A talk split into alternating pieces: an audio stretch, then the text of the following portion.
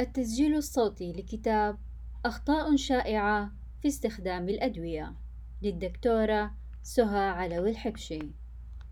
إهداء إلى أفراد أسرتي الكريمة إلى كل شغوف بالعلم والمعرفة إلى كل مهتم بصحة المجتمع أهدي هذا الكتاب. مقدمة بسم الله والحمد لله حمدا كثيرا طيبا مباركا فيه. والصلاة والسلام على حبيبنا وقدوتنا ومعلمنا نبينا محمد وآله. إرضاء لربي ولرسولي وعمارة للأرض بالعلم والمعرفة وإرضاء لنفسي ولضميري ولطموحي ولما رأيته في مجتمعنا من أخطاء كثيرة في استخدام الأدوية ورغبة بأن أكون إنسانة فعالة ومنتجة في مجتمعي قمت بتأليف هذا الكتاب.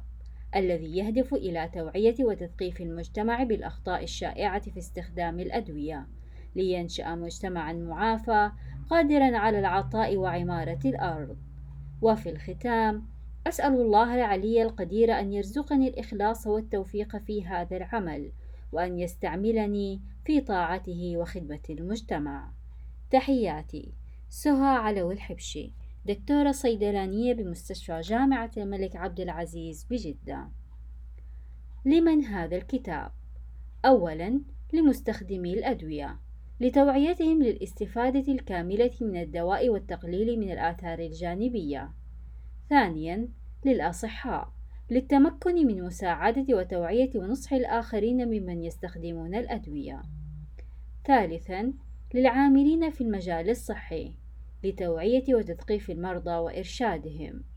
رابعًا للآباء والأمهات لاتباع الطرق الصحيحة مع أبنائهم في تناول الدواء.